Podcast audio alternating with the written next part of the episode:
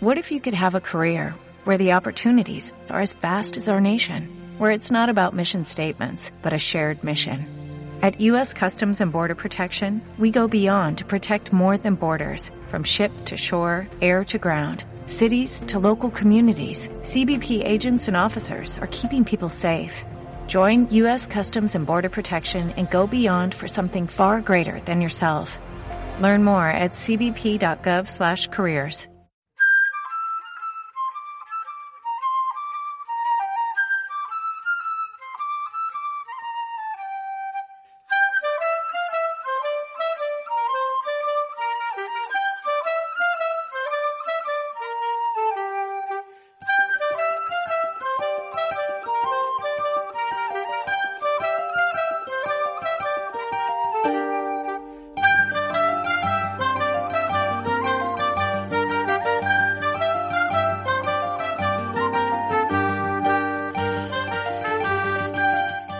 Palabras andadeiras. Historias para acompañar o teu camiño de Santiago. Etapa 5. Palas de Rei, Melide. Benvido, benvidas sexas a esta terra. Aquí continúan estas palabras andadeiras que pretenden ser pequenas xaneliñas a outras historias, lugares, xentes e paisaxe deste camiño que agora percorres. O chan que agora pisa nas túas botas, xerando un son acompasado e hipnótico, é o mesmo que durante centos, miles de anos pisaron outros e outras de ida e volta. As súas pegadas encheron de voces a paisaxe. Galicia é auga, e pedra, pero sen as palabras sería outra auga e outra pedra.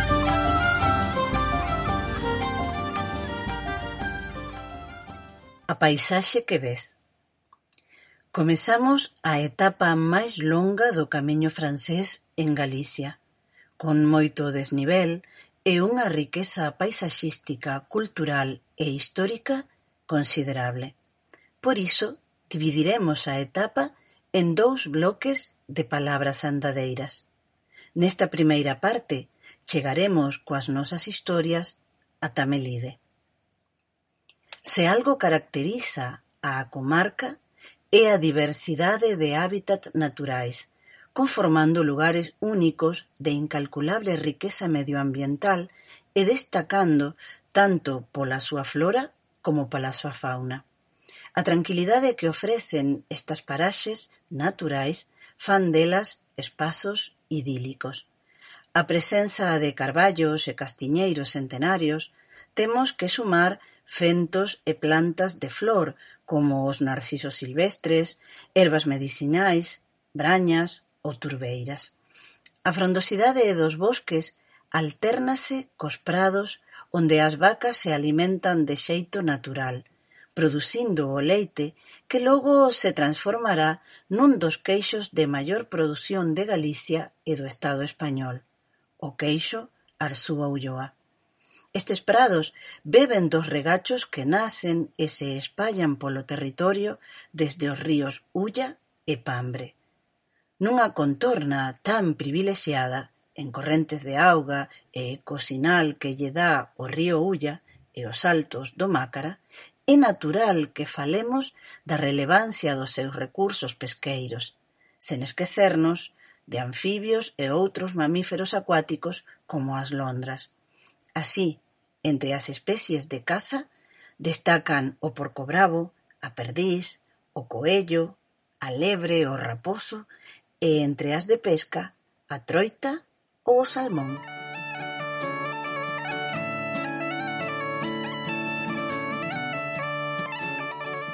a cultura construída.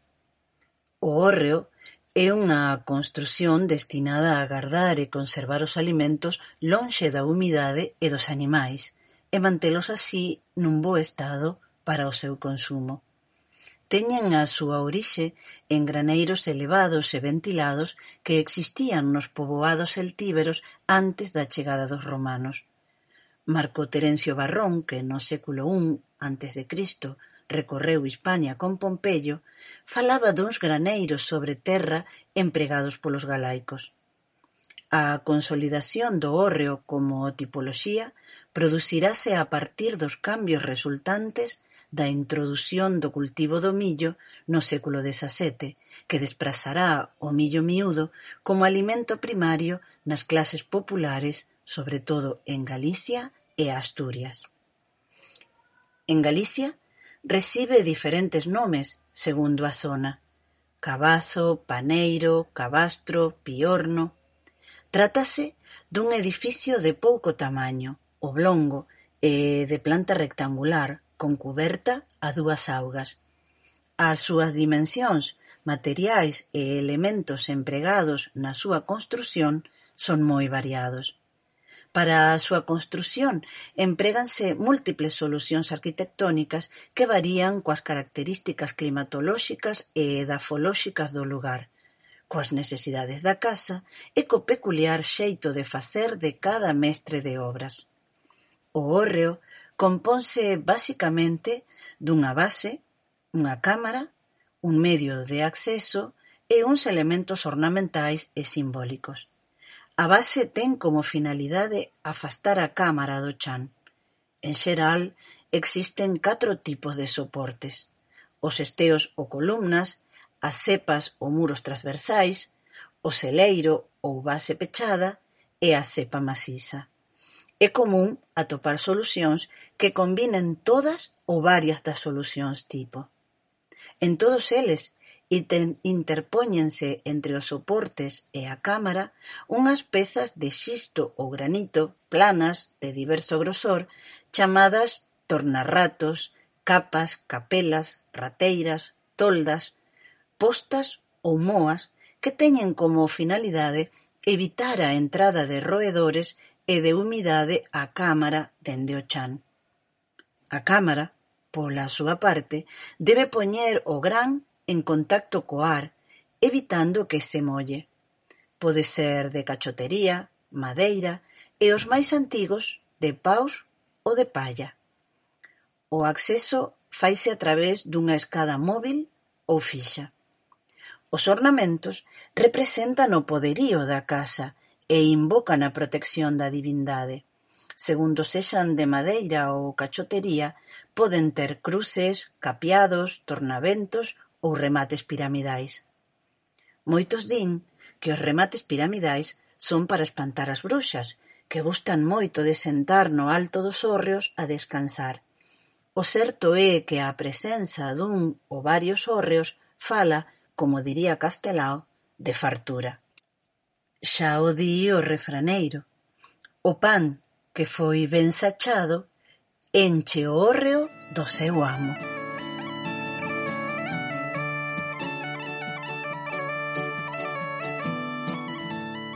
Palabra de autor O Mentireiro verdadeiro é un calendario agrícola galego anual promovido polo crego José Regadío en Palas de Rei. A mediados dos anos 70 chegou a ser o libro máis editado ao alcanzar unha tiraxe de 15.000 exemplares. O almanaque tiña unha función e estrutura similar ao do gaiteiro de Lugo, de longa tradición. Achega unha completa información sobre as lúas, as mareas, prognósticos meteorolóxicos e previsións para o ano. O santoral e os períodos máis axeitados para as diferentes tarefas agrícolas.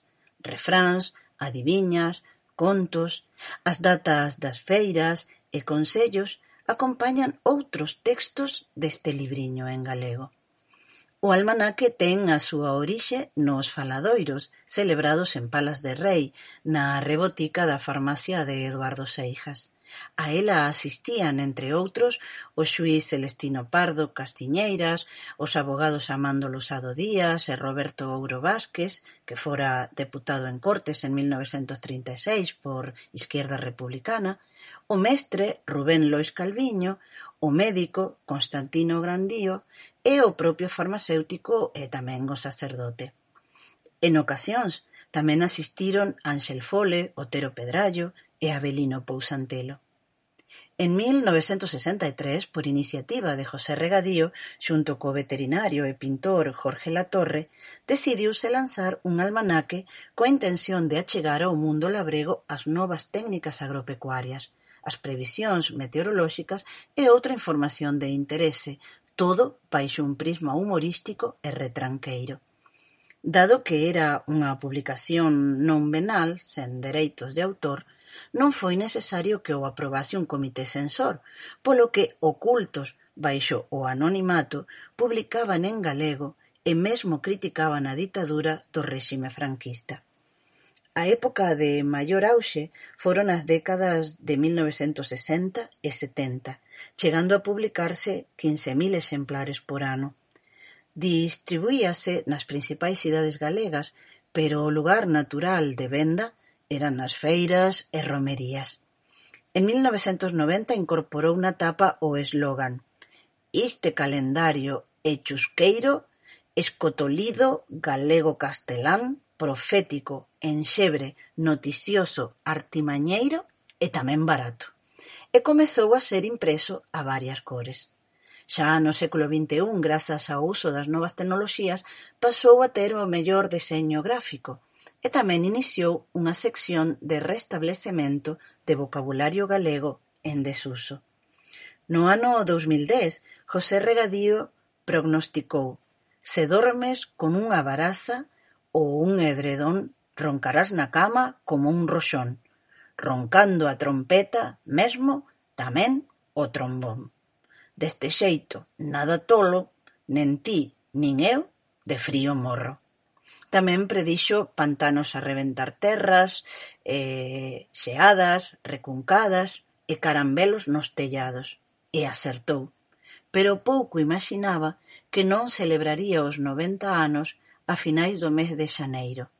O día nove morreu a alma máter do calendario, pero a guía popular para saber o tempo e as feiras segue adiante e na edición do ano Xacobeo 21 prognostica algo de neve esfaragullada en xaneiro, imposibilidade de gardar a roupa de máis abrigo en febreiro, ventos en marzo, así, xullo É un mes axeitado para sementar remolachas ou cenouras, e en agosto hai medo a que as tormentas danen a uva. Ademais, cítanse feiras e mercados fixos de Galicia, pero tamén do norte de Portugal, do occidente de Asturias, Zamora e de León. A publicación inclúe datos como o valor dos ferrados en metros cadrados en moitos concellos e achega información sobre camiños de peregrinación e sobre a maneira de ganar a indulxencia na catedral de Santiago.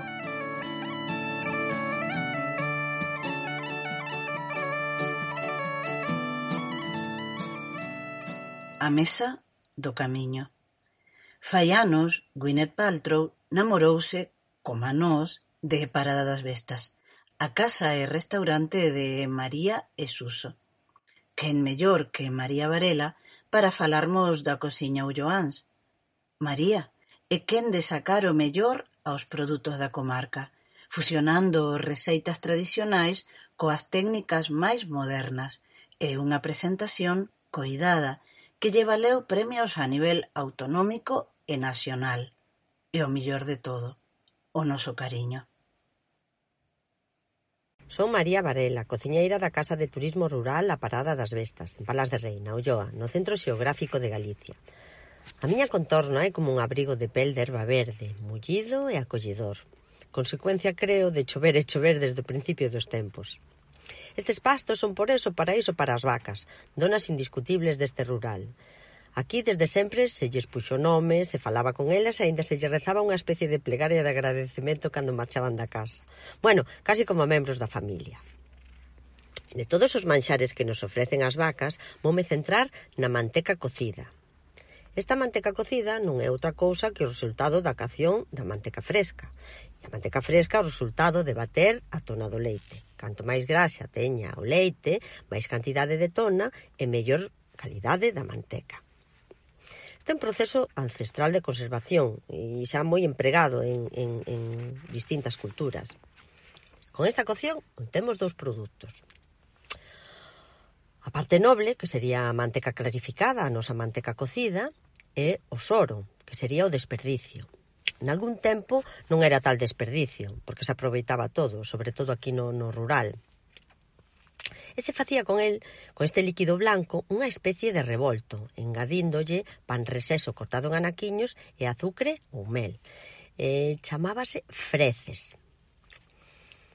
A manteca clarificada, sería a parte noble, vamos a utilizala como ingrediente principal na nosa tarta de manteca un postre típico da olloa que se facía polas festas. Ahora forma xa parte da nosa inxesta habitual.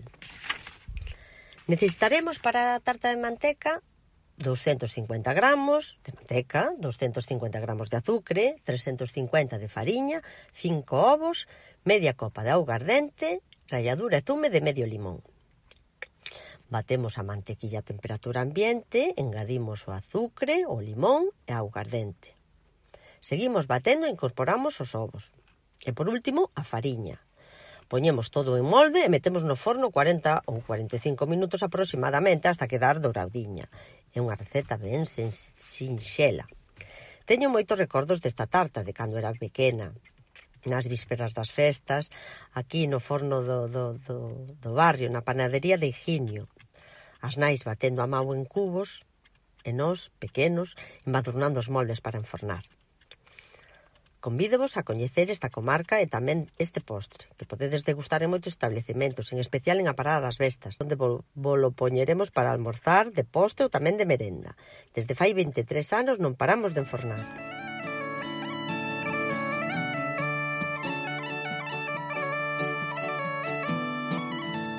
Música nos teus pasos. No ano 2010, en Santiago de Albá, Santo Xusto e Vilafofe comezaba a andar o festival O son de Aldea. Trátase dun proxecto que pretende espertar, dinamizar e recobrar a vida que non hai moito tiña o rural galego. Os veciños e veciñas preparan no verán contos, lendas, interpretacións teatrais, mesas redondas, espectáculos e concertos, facendo cobrar vida aos recunchos do lugar. Nunha sorte de feira teatral ambulante, o público percorre os camiños e atopa fermosas escenas no medio dos bosques, casas, carreiros e fontes.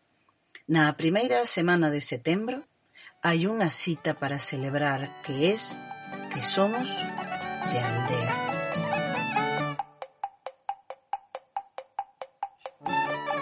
As cantigas de Helena é un proxecto que recompila melodías recollidas a Helena Alonso Pino, Toutón, xulio de 1928, por parte de María Vidal, Piche Abollado e o seu neto Pipo Alvariño.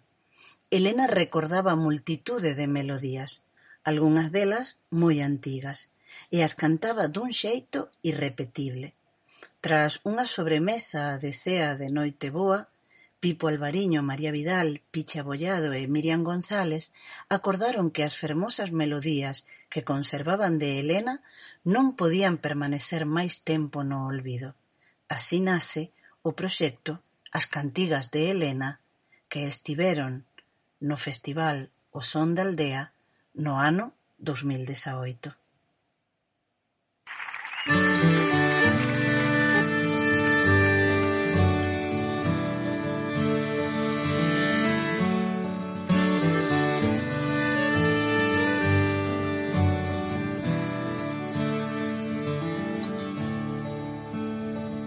Funo mar as cunchiñas e olé. As cunchiñas fun o mare. Eu funo mar as cunchiñas e olé. De noite polo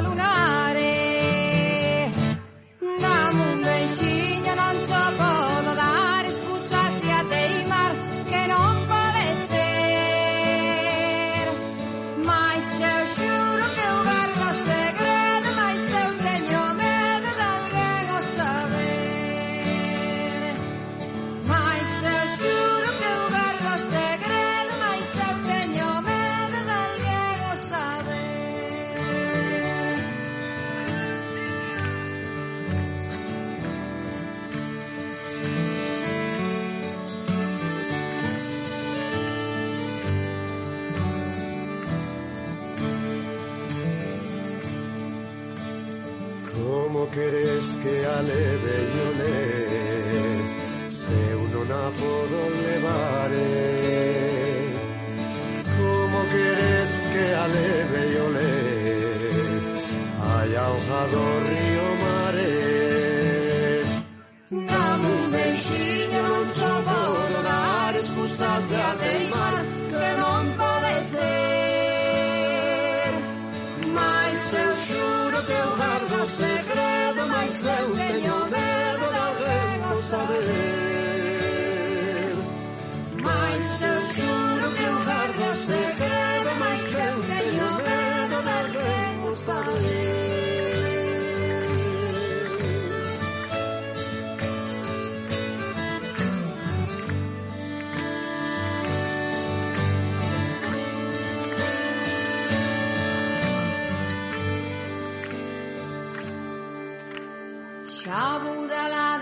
di Daione, sciabu dalla verradeira, sciabu dalla despedida Ione.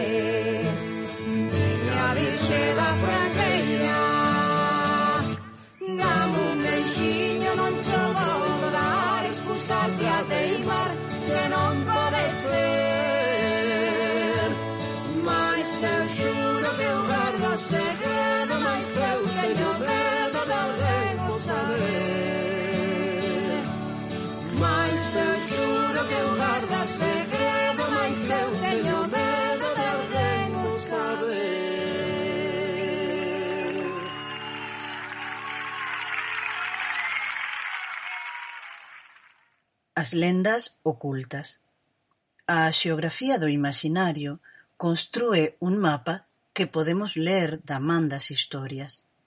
Non é difícil que se nun outeiro hai unha mámoa exista unha lenda vinculada. Tal é o caso de A Casa das Mouras. No lugar chamado Puxeiro, que é no Monte do Rosario, da parroquia de Ligonde, hai un sitio chamado a Casa das Mouras. É unha medorra de grandes dimensións que se atopa presidindo un campo de túmulos megalíticos. Contan que alí viven tres polifacéticas mouras que terman das pedras da mámoa na cabeza mentres aleitan cada seu meniño, á vez que mazan cada unha na súa ola de leite para faceren balugas de manteiga. Nas primeiras décadas do século vinte, os rapaces da aldea ían a lindar as ovellas e berrábanlle as mouras para que saísen, pois dicían que lles regalaban moedas e zarapellos.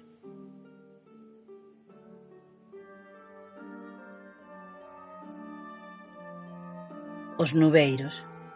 Contan que noutros tempos, nas terras de Ulloa, Os sabios subían ao alto dos montes para leren nos dibuxos que as nubes facían na terra o futuro das colleitas e das xentes. Iso se non andaban nubeiros por ali cerca. O nubeiro é un ser sobrenatural que ás veces toma forma de figura humana e que se encarga de provocar as treboadas para facer dano. Os seus poderes maléficos só se poden evitar recorrendo a un crego que os saiba esconxurar e tocando as campas. Viaxan sobre as nubes, reúnenas, mandan nelas e controlan os rayos e os tronos, os ventos e as chuvias. Son malignos e resentidos. Causan o ruido dos tronos coas ocas que levan, ou con tenaces, ou cun carro, ou con outros instrumentos metálicos. As veces caelles un deses instrumentos, e o rayo. Os nubeiros actuais son bruxos e non outra cousa. Por iso lles chaman negrumantes, nigromantes. Contan que en Choi, Abadín, estaba na media malla cando se presentou unha tormenta de medo. O crego ordenoulle a xente que se metese na cuberto mentres el colle un libro e puxose a ler De seguida se desfixo a tormenta. Daquela deron en caer moreas de peras que cubriron a aira toda, pero o cura non lle las deixou coller ata que as bendixiu. Despois comeron peras a encher. Noutro lugar, contan que houve unha tronada e o crego púxose a ler na sacristía para desconxurar os nubeiros. Un neno que observaba o que facía veu que o crego lía e suaba a reo. No momento de máis estrondo, díxolle o neno. Queres ver o que pasa aí fora? Sí, pois tócame no ombro esquerdo. O tocarlle, viu o neno dúcias de homes armados con lanzas e coitelos. Un deles entrou na sacristía cun coitelo na man apuntando o peito do cura. Que queres? dixo este. Unha espiga de trigo. Non, non che dou unha espiga que estragas a colleita enteira. Toma! E arrebolloulle a sola dun zapato e o nubeiro escapou e con el todos os outros, dereitiños a unha carreira que hai preto da igrexa parroquial. Alí descargaron como unha especie de area e desapareceron. O irse derretendo aquelo, puideron ver unhas pedriñas como bolas lisas das de xogar, moi bonitas. Cando os nubeiros arremeten cun coitelo, poden chegar a matar se o crego se resiste. Se lles dese o que piden, a Sarabia derramaría as colleitas empezando pola do crego. Pero se é axi, é xusto, cando lle lanza no coitelo, métese baixo a artesa ou a mesa, o coitelo queda cravado o Nubeiro derrotado e teñen que ir descargar a tronada lonxe.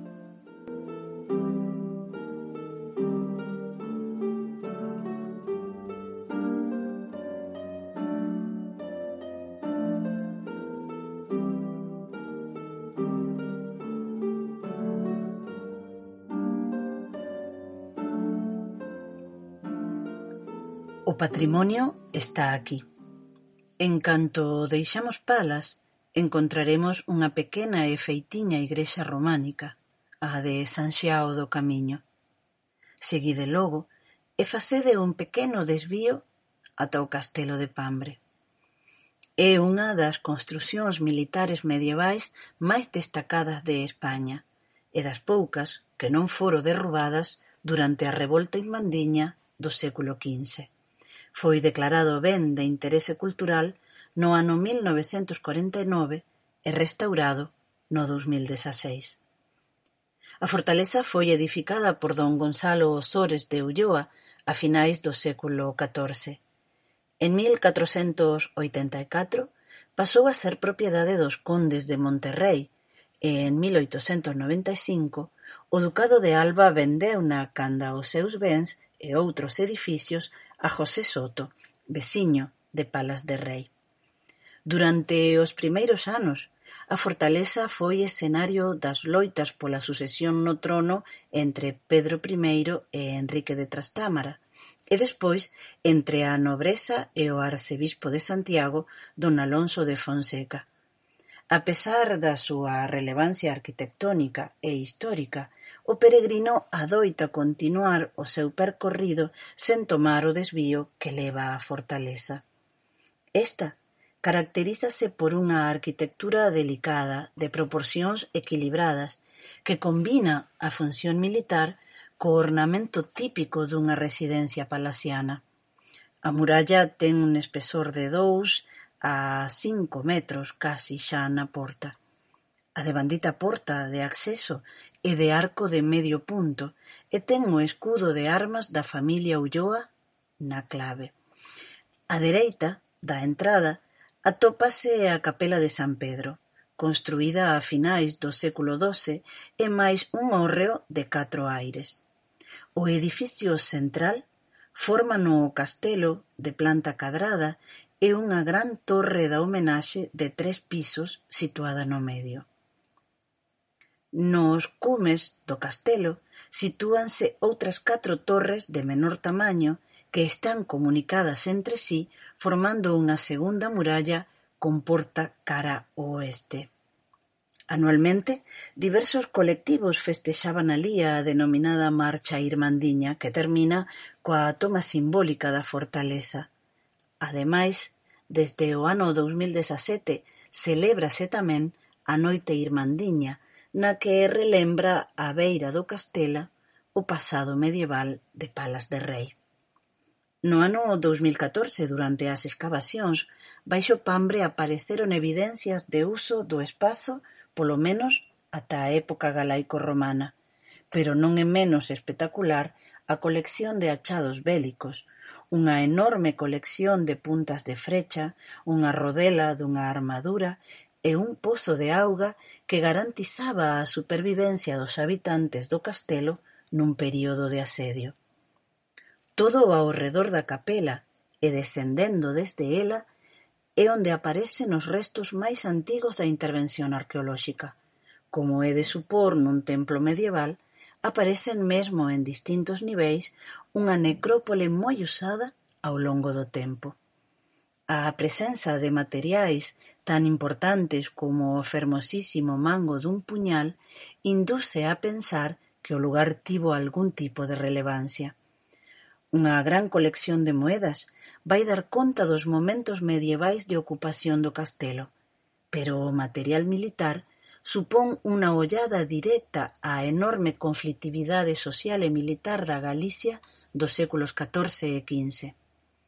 Pambre É un castelo tan canónico que as obras de rehabilitación amosaron todos os elementos que un podería agardar dun castelo. Por caso, as poternas de pambre non son os pasadizos das lendas, pero teñen un aire parecido.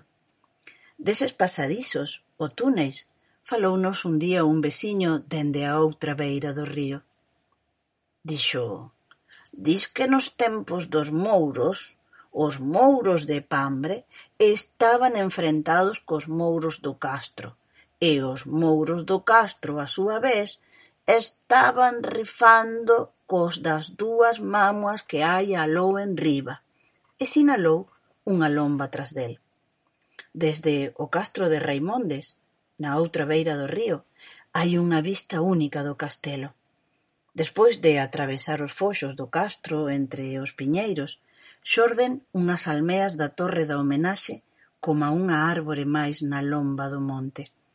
Cando miramos con calma as defensas medievais levantadas polos Ulloa no século XIV, comezamos a descubrir detalles que a típica vista do castelo non desvelan.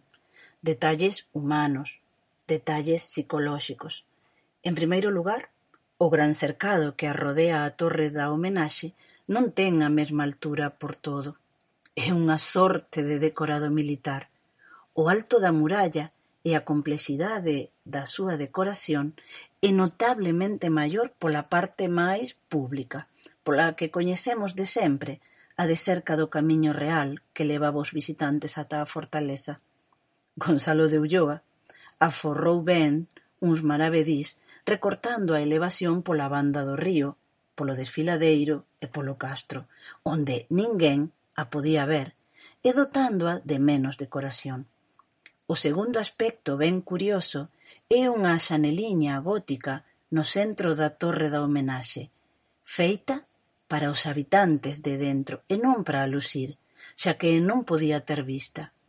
Os propietarios do castelo construírona só para eles é un ornato, en realidade interior, que lles permitía asomarse á fermosa paisaxe. En plena Idade Media xa existía o prazer da observación, neste caso construída como un capricho íntimo, ou, ao mellor, para insultarse dignamente cos inimigos, os mouros, do castro de Remonde.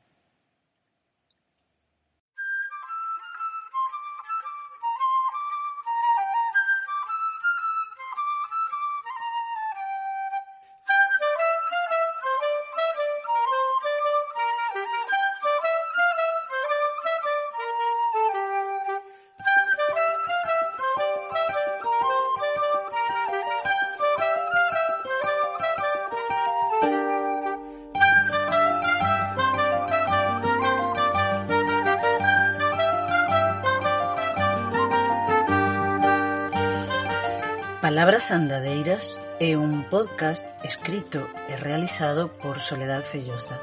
Sintonía, Manolo Panforreteiro, Xógara e Chachuca.